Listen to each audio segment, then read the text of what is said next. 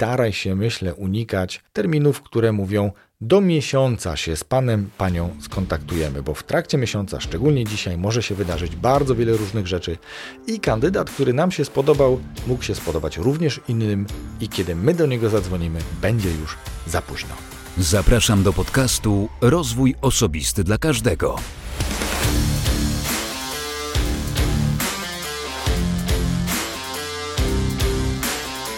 Cześć, ja nazywam się Wojtek Struzik, a Ty słuchać będziesz właśnie 191 odcinka podcastu Rozwój Osobisty dla Każdego, który nagrywam dla wszystkich zainteresowanych świadomym i efektywnym rozwojem osobistym.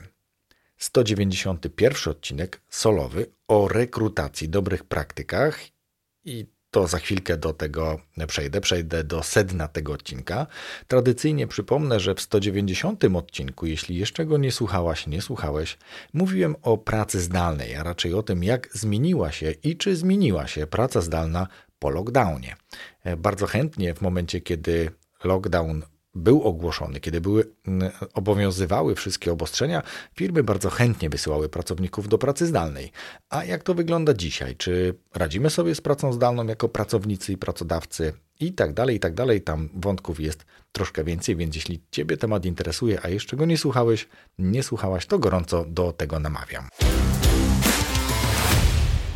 A teraz mam dosłownie dwa ogłoszenia, ale bardzo proszę nie przewijaj dalej, dlatego że co najmniej e, jedno z nich jest bardzo, czy potencjalnie może być dla Ciebie bardzo interesujące. Otóż już niebawem Pyrcaster 2022. Co to jest Pyrcaster? Pyrcaster jest to jedna z największych konferencji podcastowych w Polsce. Powiedziałbym nawet, że największa podcastowa konferencja w Polsce. Może nie była pierwsza, ale jedyna, która jest rokrocznie powtarzana w różnych wariantach, w różnych formatach. Dwa ostatnie lata z racji właśnie na pandemię to były spotkania online, ale wreszcie chcemy spotkać się fizycznie i taka w tym roku będzie możliwość. Pyrcaster to konferencja dla twórców podcastów, dla osób, które chcą dopiero tworzyć podcasty, ale także dla słuchaczy, którzy chcą spotkać twórców, swoich być może ulubionych twórców, chcą z nimi porozmawiać w kuluarach, chcą zadać jakieś pytania, posłuchać ich na żywo, uścisnąć rękę, podać. Więc Pyrcaster w tym roku na żywo. Uwaga, zanotuj data wydarzenia 1 październik 2022 roku. Uwaga, druga ważna informacja. Miejsce spotkania. Konferencja Pyrcaster 2022 odbędzie się w Poznaniu, to nie nowość, w lokalu Concordia Design. Miejsce zacne, byłem wielokrotnie na spotkaniach w Concordii i myślę, że doskonale pasuje do konwentu właśnie tej konferencji Pyrcaster. W mediach społecznościowych Pyrcastera na LinkedInie, Instagramie, Facebooku, Twitterze pojawiają się informacje o tym właśnie, że ruszyła konferencja, czy ruszają przygotowania do konferencji. Zbieramy listę prelegentów. Jest taki post CFP, ktoś się pytał, co to jest Call for Papers, czyli zostań naszym prelegentem. Tam jest link, jest krótka ankieta. Jeśli masz taką ochotę, masz aspiracje do tego, aby być prelegentem na tej konferencji, to namawiamy do tego, aby jeszcze przez kilka najbliższych dni wypełnić, myślę, że do końca sierpnia maksymalnie wypełnić tę ankietę, zgłosić swoją kandydaturę, a my już powoli wybieramy z tych wszystkich, którzy do nas napisali, kogo chcieliby posłuchać uczestnicy tej konferencji, którzy mieli okazję wcześniej wypełnić ankietę. Mamy także jeszcze miejsca dla sponsorów, więc jeśli uważasz, że chcesz, możesz, mm, korzystasz czy skorzystasz na tym, aby być sponsorem tej konferencji, to też odezwij się do nas, my prześlemy stosowne materiały, ofertę, zapoznasz się z tym, porozmawiamy i może uda nam się wspólnie porozumieć i zaprosić Ciebie w roli sponsora. Kolejna informacja dotycząca konferencji Percaster. 1 września ruszy, nie wiem jeszcze o której godzinie, ale ruszy sprzedaż biletów, tak zwanych early birds, czyli dla tych, którzy są zdecydowani, gotowi, nawet jeszcze zanim jest ogłoszona agenda, zanim są ogłoszeni wszyscy prelegenci, ale są zdecydowani na udział w tej konferencji, to dla nich będzie właśnie ta informacja najbardziej istotna. Mm, i myślę, że też istotna informacja jest taka, że Ilość tych biletów w tej przedsprzedaży jest bardzo ograniczona, więc warto trzymać rękę na pulsie. Więc Pyrcaster w mediach społecznościowych, pyrcaster.pl, w internecie taka strona, obserwuj, e, najlepiej zapisz się na mm, taki powiedzmy newsletter związany z tym wydarzeniem, bo za pomocą tego newslettera będziemy przekazywać informacje właśnie tym wszystkim, którzy gorąco na nie oczekują. Mam nadzieję, że będzie to doskonała okazja do tego, aby spotkać się z twórcami, słuchaczami, porozmawiać, pobawić się. Tradycyjnie w tym miejscu także dziękuję patronom. To drugie ogłoszenie, dlatego że w ostatnim czasie znowu kilku patronów dołączyło, ktoś odszedł z grona patronów. A jeśli ty chcesz dołączyć do grona patronów, chcesz mieć realny wpływ na rozwój tego podcastu, zapraszać gości, zadawać im pytania, być może wręcz poprowadzić ze mną nawet jakiś odcinek podcastu, czego jeszcze nie było w tym podcaście, to gorąco namawiam do tego, aby wejść na stronę patronite.pl łamane przez ROTK i wybrać tam dogodny dla siebie próg wsparcia. Progi zaczynają się już od 5 zł, więc myślę, że dzisiaj za 5 zł nawet kawy nie kupisz, a radość wielką mi sprawisz. I tym oto sposobem przechodzimy do sedna. Przechodzimy do pierwszej części serii dotyczącej pracowników, a tak naprawdę rozwoju czy też tworzenia przyjaznej atmosfery pracy. E, dużo się o tym mówi. Ja też już mówiłem w tym e, podcaście o atmosferze, jak ona jest istotna i co prawdopodobnie ją psuje. Ale żeby nadać tym rzeczom jakąś ważność i hierarchię, to myślę, że zaczniemy od samego początku, czyli od rekrutacji. A zatem część pierwsza rekrutacja. Proces rekrutacji jest jednym z ważniejszych, jeśli nie najważniejszym procesem dla organizacji, ale także dla samego kandydata, przyszłego pracownika. Ten proces waży, czy też może ważyć o tym, jak będzie wyglądał wyglądało coś takiego, co też popularnie się swojego czasu nazywało. Myślę, że temat trochę przycichł mody na employer branding, natomiast jest to cały czas bardzo ważne. Jak firma postrzegana jest jako pracodawca na rynku pracy. Jak oceniają ją konkurenci, jak oceniają ją obecni pracownicy, przyszli pracownicy i uwaga, byli pracownicy również, co jest istotne i będzie także elementem e, kolejnych odcinków, czy też jednego z kolejnych odcinków w temacie tworzenia atmosfery pracy, tudzież właśnie tego employer brandingu.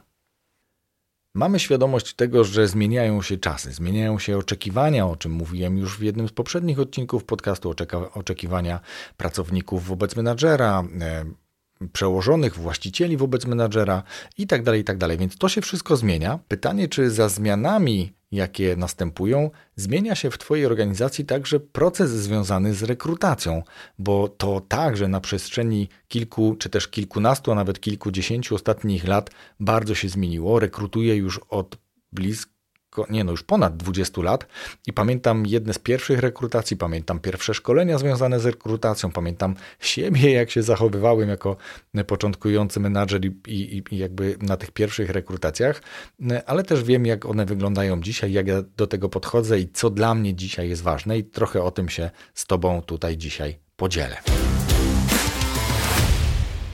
Zacznijmy od początku, czyli zacznijmy od przygotowania całego procesu. Zwykle w ten proces zaangażowany jest trochę więcej działów, trochę więcej osób niż tylko ta, która realnie potrzebuje zespołu, czy osoby do swojego zespołu, czy osób do swojego zespołu. Zwykle angażujemy w proces rekrutacji albo zewnętrzną agencję, albo komórkę działu personalnego, human resources, jakkolwiek nazywa się to w Twojej organizacji. Warto jednak wiedzieć, jak ten proces wygląda, czy też jak powinien wyglądać od samego początku, bo Czasami to wygląda tak, że jest po prostu chwycenie za słuchawkę, zadzwonienie do działu personalnego, potrzebuje ogłoszenia na pracownika albo potrzebuje pracownika. E, I tutaj czasami się pojawiają pytania, a czasami machinalnie ktoś odświeża stare ogłoszenie. No nie jest to za fajne, więc warto za każdym razem chwilę zastanowić się nad tym, jakie mamy określone cechy takiego kandydata, z kim chcemy pracować, kogo realnie poszukujemy, co ten ktoś sobą powinien reprezentować. Ale powinniśmy także pokazać profil tego stanowiska. Co to oznacza dane takie stanowisko, bo w jednej firmie y, taka sama nazwa stanowiska, mm, ale bardzo często zupełnie inny zakres obowiązków, zupełnie inna praca wykonywana później. Warto w tym procesie przygotowawczym wskazać także kluczowe obszary związane z oczekiwaniami, jakie my mamy wobec kandydata, ale także uczciwie przedstawić ofertę, czyli co firma oferuje w zamian. I tutaj ważne, żeby, e, żeby to było uczciwe, autentyczne, trudno mi powiedzieć, czy naturalne, ale na pewno nie chodzi tu o to, żeby to była reklama, e, przejaskrawienie czegoś, przedstawienie w taki sposób, że któraś ze stron, w tym wypadku pewnie kandydat, będzie rozczarowana, zawiedziona, bo to na pewno pozytywnie na firmę nie wpłynie. I dopiero w momencie, kiedy mamy określone właśnie cechy kandydata, profil stanowiska, te kluczowe obszary związane z tym stanowiskiem, co firma może przygotować, dopiero wtedy redagujemy czy też zlecamy redagowanie takiego ogłoszenia. I uwaga, pamiętaj, że zmieniła się kwestia CV, prawda? Zwrócisz uwagę na to, że dzisiaj ogłoszenia czy oferty kandydatów wyglądają inaczej, ale czy ogłoszenia wyglądają inaczej? Hmm. No, trochę takie retoryczne pytanie, ale ja ci powiem, że bardzo często widzę ogłoszenia, które wyglądają dokładnie tak samo, jakby ktoś rekrutował 10 lat temu. Więc jeżeli ty oczekujesz interesujących ofert, to sprawdź, czy twoje ogłoszenie również jest interesujące i czy jest na czasie, czy jest takie, jakiego oczekują dzisiaj kandydaci. Przejdźmy do umawiania spotkania. Ważne jest, żeby ustalić zasady dotyczące pierwszego kontaktu. Mówiłem, nagrałem nawet odcinek o pierwszym wrażeniu, które robi się tylko raz, no bo pierwsze wrażenie. E, I tutaj tak samo jest. W momencie, kiedy decydujemy się na to, że już poszło ogłoszenie, to można przyjąć, że to już było pierwsze wrażenie, ale tak naprawdę pierwsze wrażenie następuje w momencie pierwszego realnego kontaktu z kandydatem. Dlatego ważne jest, aby zastanowić się, kto ten pierwszy ruch wykona, jaka konkretna osoba ma zadzwonić do tego kandydata. Bo wierz mi, że ważny jest tutaj na przykład ton głosu tej osoby, która umawia spotkanie. Zwykle jest to kontakt telefoniczny. Tutaj ważna jest intencja w głosie. Czy ta osoba, która dzwoni, to jest osoba, której zależy na tej rozmowie, zależy na tym kandydacie? Czy to jest raczej osoba, która odhacza na liście osoby do obdzwonienia i tak naprawdę nudzi się i wyraża to swoim E, głosem, swoim tonem, swoją niemalże barwą w głosie. Wiemy, jak głos działa, wiemy, czy też wy wiecie, bo słuchacie przecież podcastów i wiecie, jakie emocje przekazują twórcy podcastów, czy się emocjonują, czy jest to dla nich ważne, czy znają się na tym, co mówią, czy jest to szczere, autentyczne, bo w głosie, no to myślę, że łatwo to jest też wychwycić. I tak samo będzie wyglądała sytuacja w momencie pierwszego kontaktu. Pamiętaj też, że pytania w stylu a czy pan wie, gdzie pan z, e, złożył ofertę, czy do której firmy pan się zatrudnia? Takie pytania czasami były. Ja też kiedyś takie pytanie otrzymałem. I to już powiem szczerze, nie jest e, zbyt mm, dobre wrażenie, dlatego że z jednej strony, ja mówię tutaj oczywiście też o stanowiskach takich bardziej podstawowych, czy też mm, nie tej pierwszej linii, ale od pierwszej linii do powiedzmy takiego poziomu średniego. Nie mówimy o wyższych stanowiskach menedżerskich, te procesy trochę się jednak od siebie różnią. Ale tutaj takich pytań też warto nie zadawać, dlatego że dzisiaj, szczególnie tak jak wspomniałem, na te właśnie szeregowe, podstawowe stanowiska, osoby mogą nie zdawać sobie do końca sprawy z tego, do jakiej organizacji wysłały oferty i która właśnie organizacja do nich dzwoni z zapytaniem, czy oferta pracy nadal jest aktualna. Więc nie bądźmy niemili w tym kontakcie, dlatego powiedziałem, że to jest istotne, kto ten kontakt będzie przeprowadzał, kto zadzwoni do tego e, kandydata. Na tym etapie także ważne jest to, jak szybko ma się odbyć spotkanie od momentu pierwszego kontaktu. Jak elastyczne są godziny, e, na które umawiamy się z kandydatem? Czy mamy bardzo wąski zakres godzin? Bo bardzo często tak jest, że menadżerowie czy osoby zaangażowane w proces rejestra e, rejestracji, rekrutacji mają e, na to przeznaczony bardzo niewielki zakres czasu. Co nie do końca jest dobre, ale tutaj warto mieć, dzwoniąc do kandydata, w zanadrzu kilka potencjalnych terminów w jakichś określonych widełkach czasowych. Warto też uprzedzić od razu na wstępie, ile potencjalnie taka rozmowa może potrwać, bo czasami e, firmy rekrutują, mają ustalony proces i on trwa godzinę, czasami pierwsze spotkanie bywa bardzo krótkie, na przykład 30-minutowe. Takie ja bardzo często przeprowadzam, przechodząc dosyć szybko do sedna, ale to też istotne, myślę, że ważna taka informacja dla kandydata, żeby usłyszał, ile potencjalnie ta rozmowa może potrwać.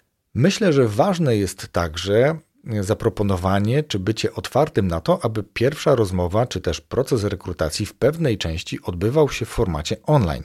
Bo jeżeli mówimy o tym, że mamy mm, gotowość jako organizacja do pracy zdalnej, do pracy zdalnej w jakichś określonych warunkach czy sytuacjach, to warto to już zasygnalizować na etapie umawiania się na rozmowę rekrutacyjną.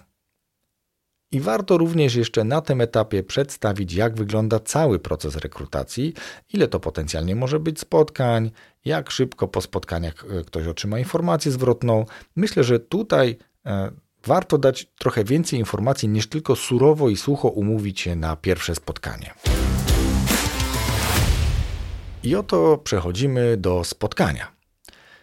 I pamiętaj, że jeżeli masz taką możliwość, to umów się z drugą osobą, tak żeby potencjalnie uzupełniać się informacjami lub zadawać pytania naprzemiennie. Czasami to może wyglądać trochę tak, że jedna osoba jest trochę bardziej jak zły policjant, a druga trochę jak ten dobry policjant. Natomiast niekoniecznie ma to tak wyglądać, nawet powiedziałbym niedobrze, żeby to tak wyglądało.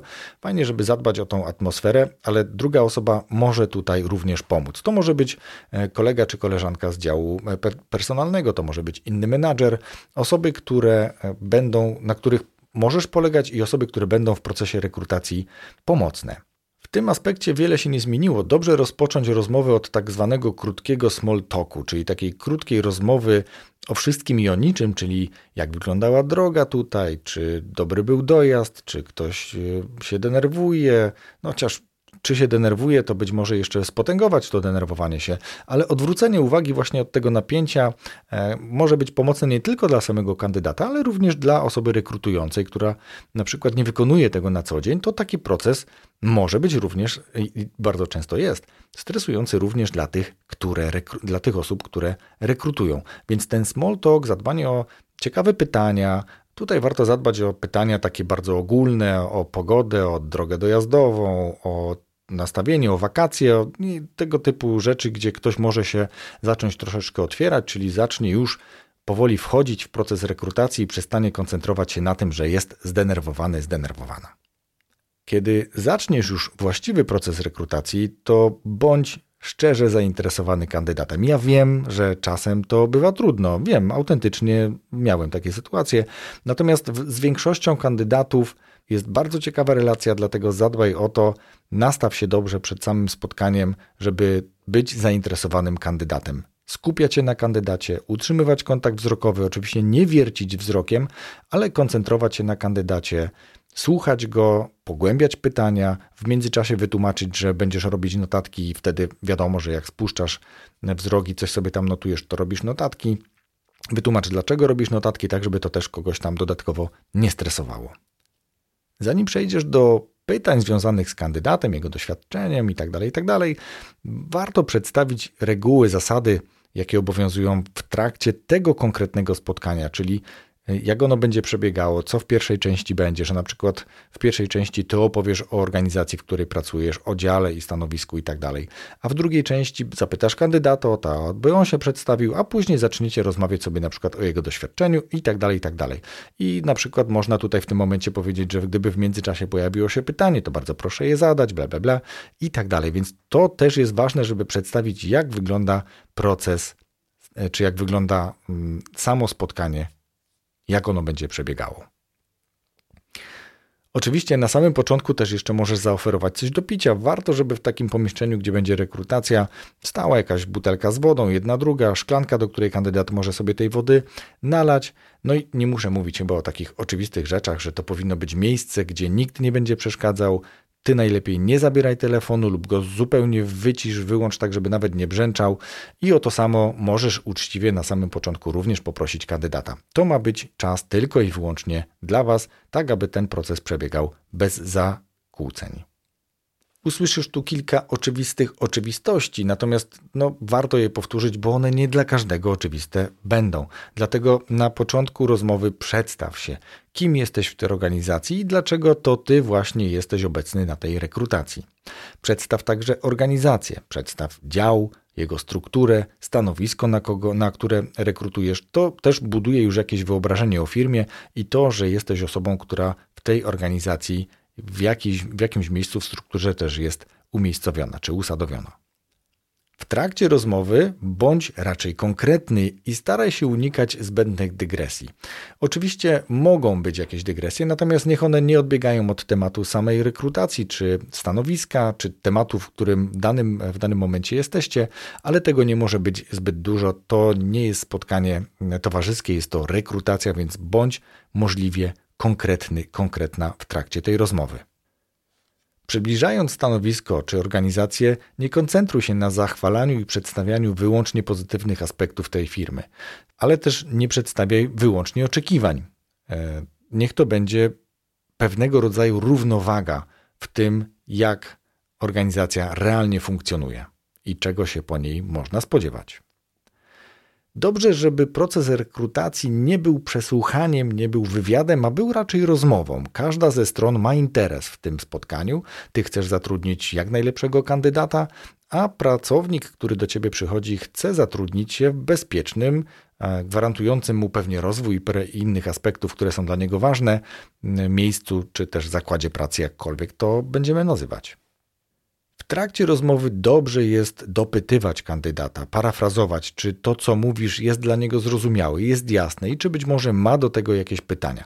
Pamiętaj tylko, żeby to nie było, czy to, co mówi, jest dla pana jasne, bo zobaczysz zapewne kiwnięcie głową albo usłyszysz tak, co nie oznacza, że ta osoba dokładnie cię rozumie.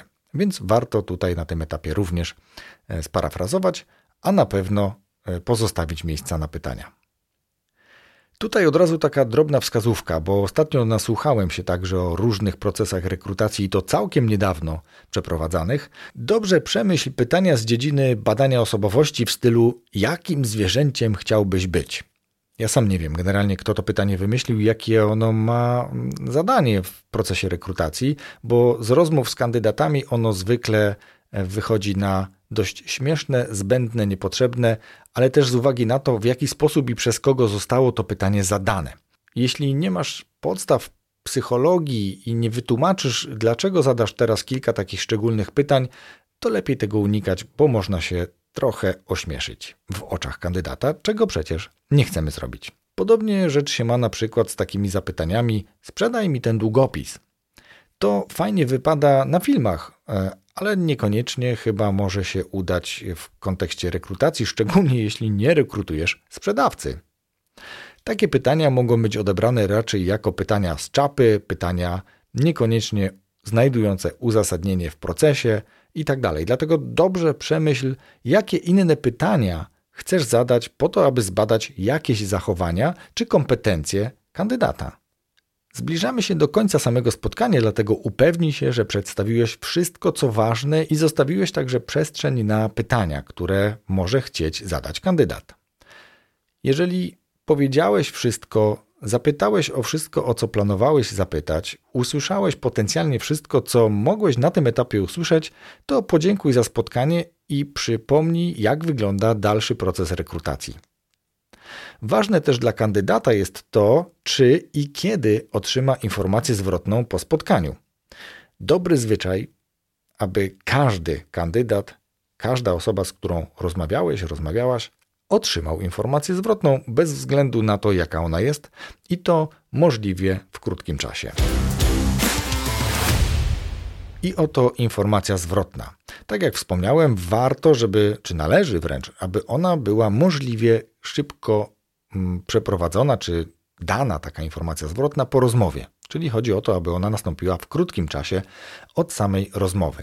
Jeśli możesz to zrobić na przestrzeni kilku dni, e, to fajnie, zwykle optymalnie dla kandydata, zaznaczam, jeżeli to będzie na przykład tydzień. Staraj się, myślę, unikać, szczególnie na tych stanowiskach podstawowych, terminów, które mówią do miesiąca się z panem, panią skontaktujemy, bo w trakcie miesiąca, szczególnie dzisiaj, może się wydarzyć bardzo wiele różnych rzeczy i kandydat, który nam się spodobał, mógł się spodobać również innym i kiedy my do niego zadzwonimy, będzie już za późno.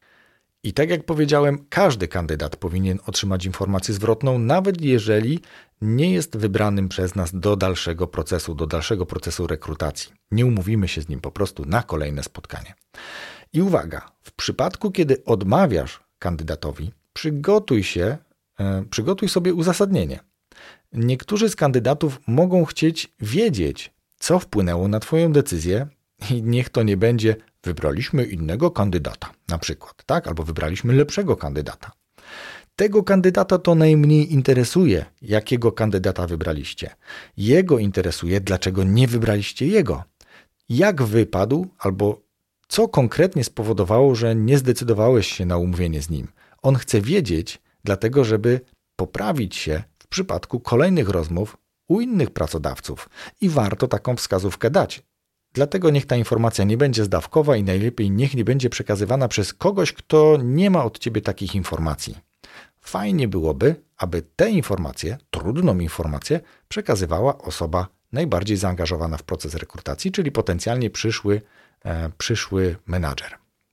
W przypadku z kolei informacji pozytywnej, najlepiej od razu postaraj się umówić kolejny etap, kolejne spotkanie.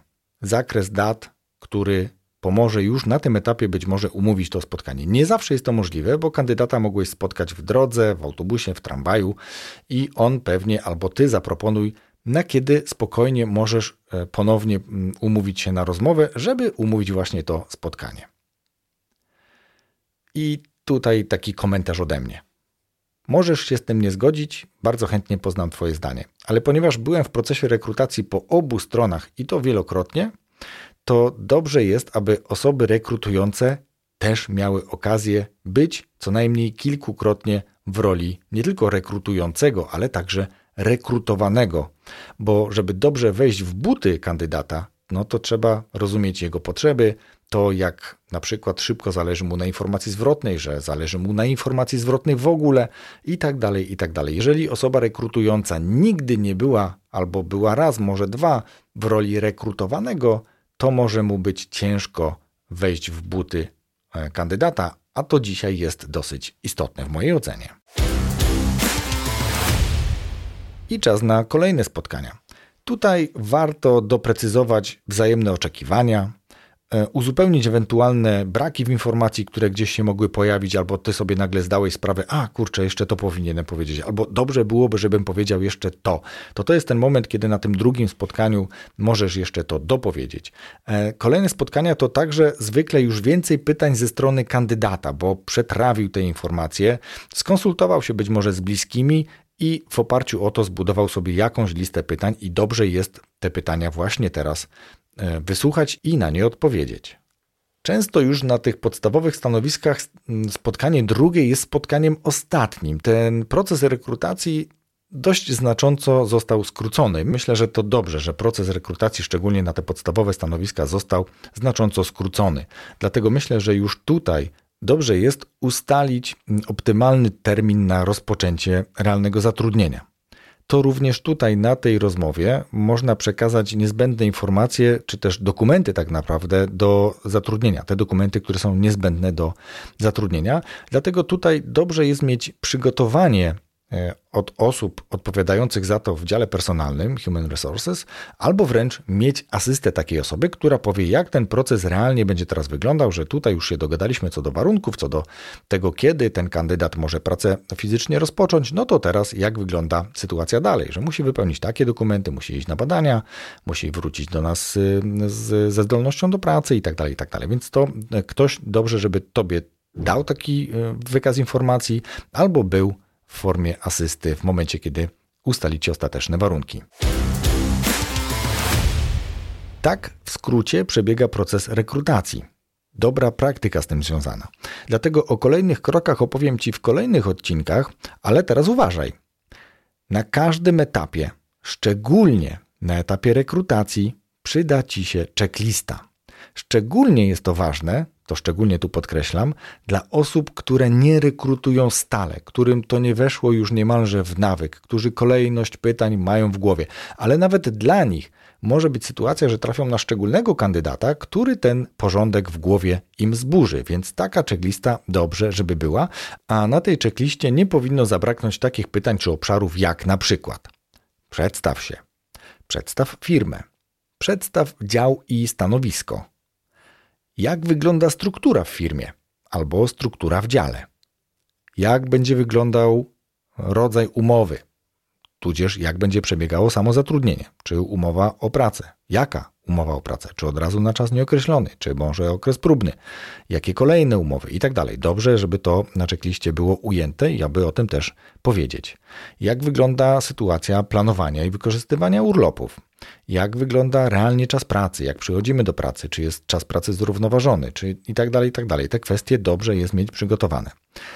E, jakie są apanarze, benefity, które są w firmie na etapie rekrutacji dla kandydatów? Może to być istotne, ale mogą zapomnieć zadać to pytanie i ono zostanie przeniesione na przykład na kolejne spotkanie, więc ty możesz to dopowiedzieć. Jeżeli w firmie obowiązuje dress code, to jaki? To też warto powiedzieć. Jakie relacje panują w organizacji? Czy na przykład mówimy sobie na pan, pani, czy mówimy na ty? Jak to wyczuć? Czy wyczuć, czy raczej jest ustalone odgórnie? Dalej, powiedz o tym, jak wygląda kwestia rozwoju w tej organizacji, czy jak wygląda kwestia awansu. Wiadomo, że awans e, może równać się z rozwojem, ale rozwój nie równa się awansowi, dlatego warto też o tym powiedzieć, jak to wygląda w tej organizacji. No i oczywiście na tej checkliście możesz sobie dopisać wiele innych ważnych dla Ciebie czy ważnych dla Twojej organizacji punktów, o których chcesz powiedzieć kandydatowi już na pierwszej czy drugiej rozmowie. Możesz sobie te checklisty rozbić i podpinać, nawet najlepiej byłoby podpinać checklistę danego kandydata do jego CV, tak żeby wiedzieć, co na pierwszej rozmowie powiedziałeś i co jeszcze warto dopowiedzieć w drugiej. Zrobić sobie osobną checklistę na pierwsze spotkanie i osobną checklistę na drugie. Jak widzisz, e, jeśli znasz już ten podcast, to wiesz, że lubię checklisty i wierzę w to, że one dobrze działają. Dlatego proponuję, żeby tutaj do rekrutacji również stworzyć sobie taką checklistę, co dobrze jest powiedzieć na rekrutacji kandydatom. A ja bardzo dziękuję Ci za wysłuchanie tego odcinka podcastu, w którym opowiadałem o rekrutacji, o najważniejszym albo jednym z bardzo ważnych procesów związanych z employer brandingiem, wprowadzeniem pracownika nowego do organizacji, a w kolejnym odcinku opowiem Ci o onboardingu. Dlatego gorąco zapraszam do przesłuchania odcinka, który już za tydzień w piątek. Wszystkiego dobrego. Rozwój osobisty dla każdego.